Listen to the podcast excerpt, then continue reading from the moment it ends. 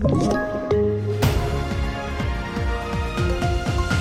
Man misshandlade med tillhyggen, danska ministrar granskas och det är inte bara dystert för hushållens plånböcker. Men TV4-nyheterna börjar med att de första stegen har tagits för att de ockuperade områdena i Ukraina ska bli ryska.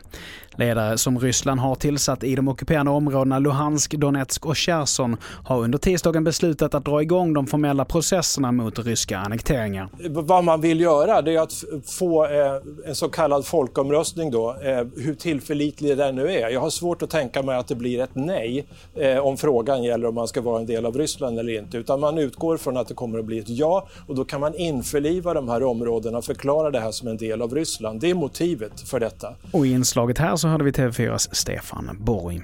Vidare till Norrköping där flera män med tillhyggen ska ha misshandlat en man vid McDonalds. Mannen fick föras till sjukhus och polisen har spärrat av platsen. I nuläget så är ingen gripen och det är oklart vad som ligger bakom händelsen.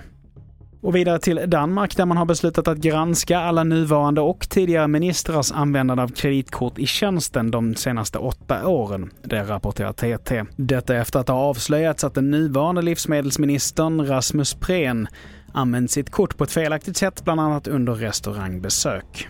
Och till sist, Riksbankens rekordhöjning kommer att kännas i hushållens plånböcker, men allt är inte nattsvart. Det vi har sett som är positivt är att inflationen har inte stigit riktigt lika kraftigt som sistone. Att det, det finns förväntningar i vår omvärld, framförallt i USA, där man ser att inflationen börjar plana ut, vilket har väckt förhoppningar om att kanske det är inte så många räntehöjningar till som behövs för att det här ska liksom börja ge med sig.